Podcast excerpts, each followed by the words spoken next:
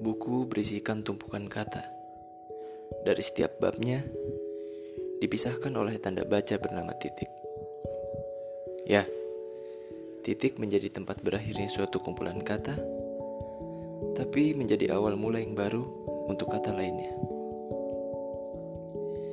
Kadang kita akan mengulang kata yang sama, tapi akan terasa berbeda, mungkin karena berada pada bab yang berbeda, ataupun kata lain yang menyertainya.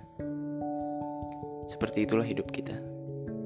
Kumpulan cerita berisi tawa, duka, bahagia, sengsara, dan lainnya. Dan itu terakumulasi menjadi suatu kesatuan. Ada awal dan akhir di setiap episodenya yang bernilai makna, tergantung cara kita menyikapinya.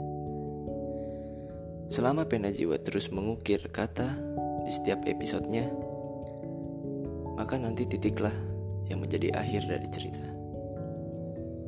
Akhir cerita dunia menjadi misteri yang nyata untuk kita.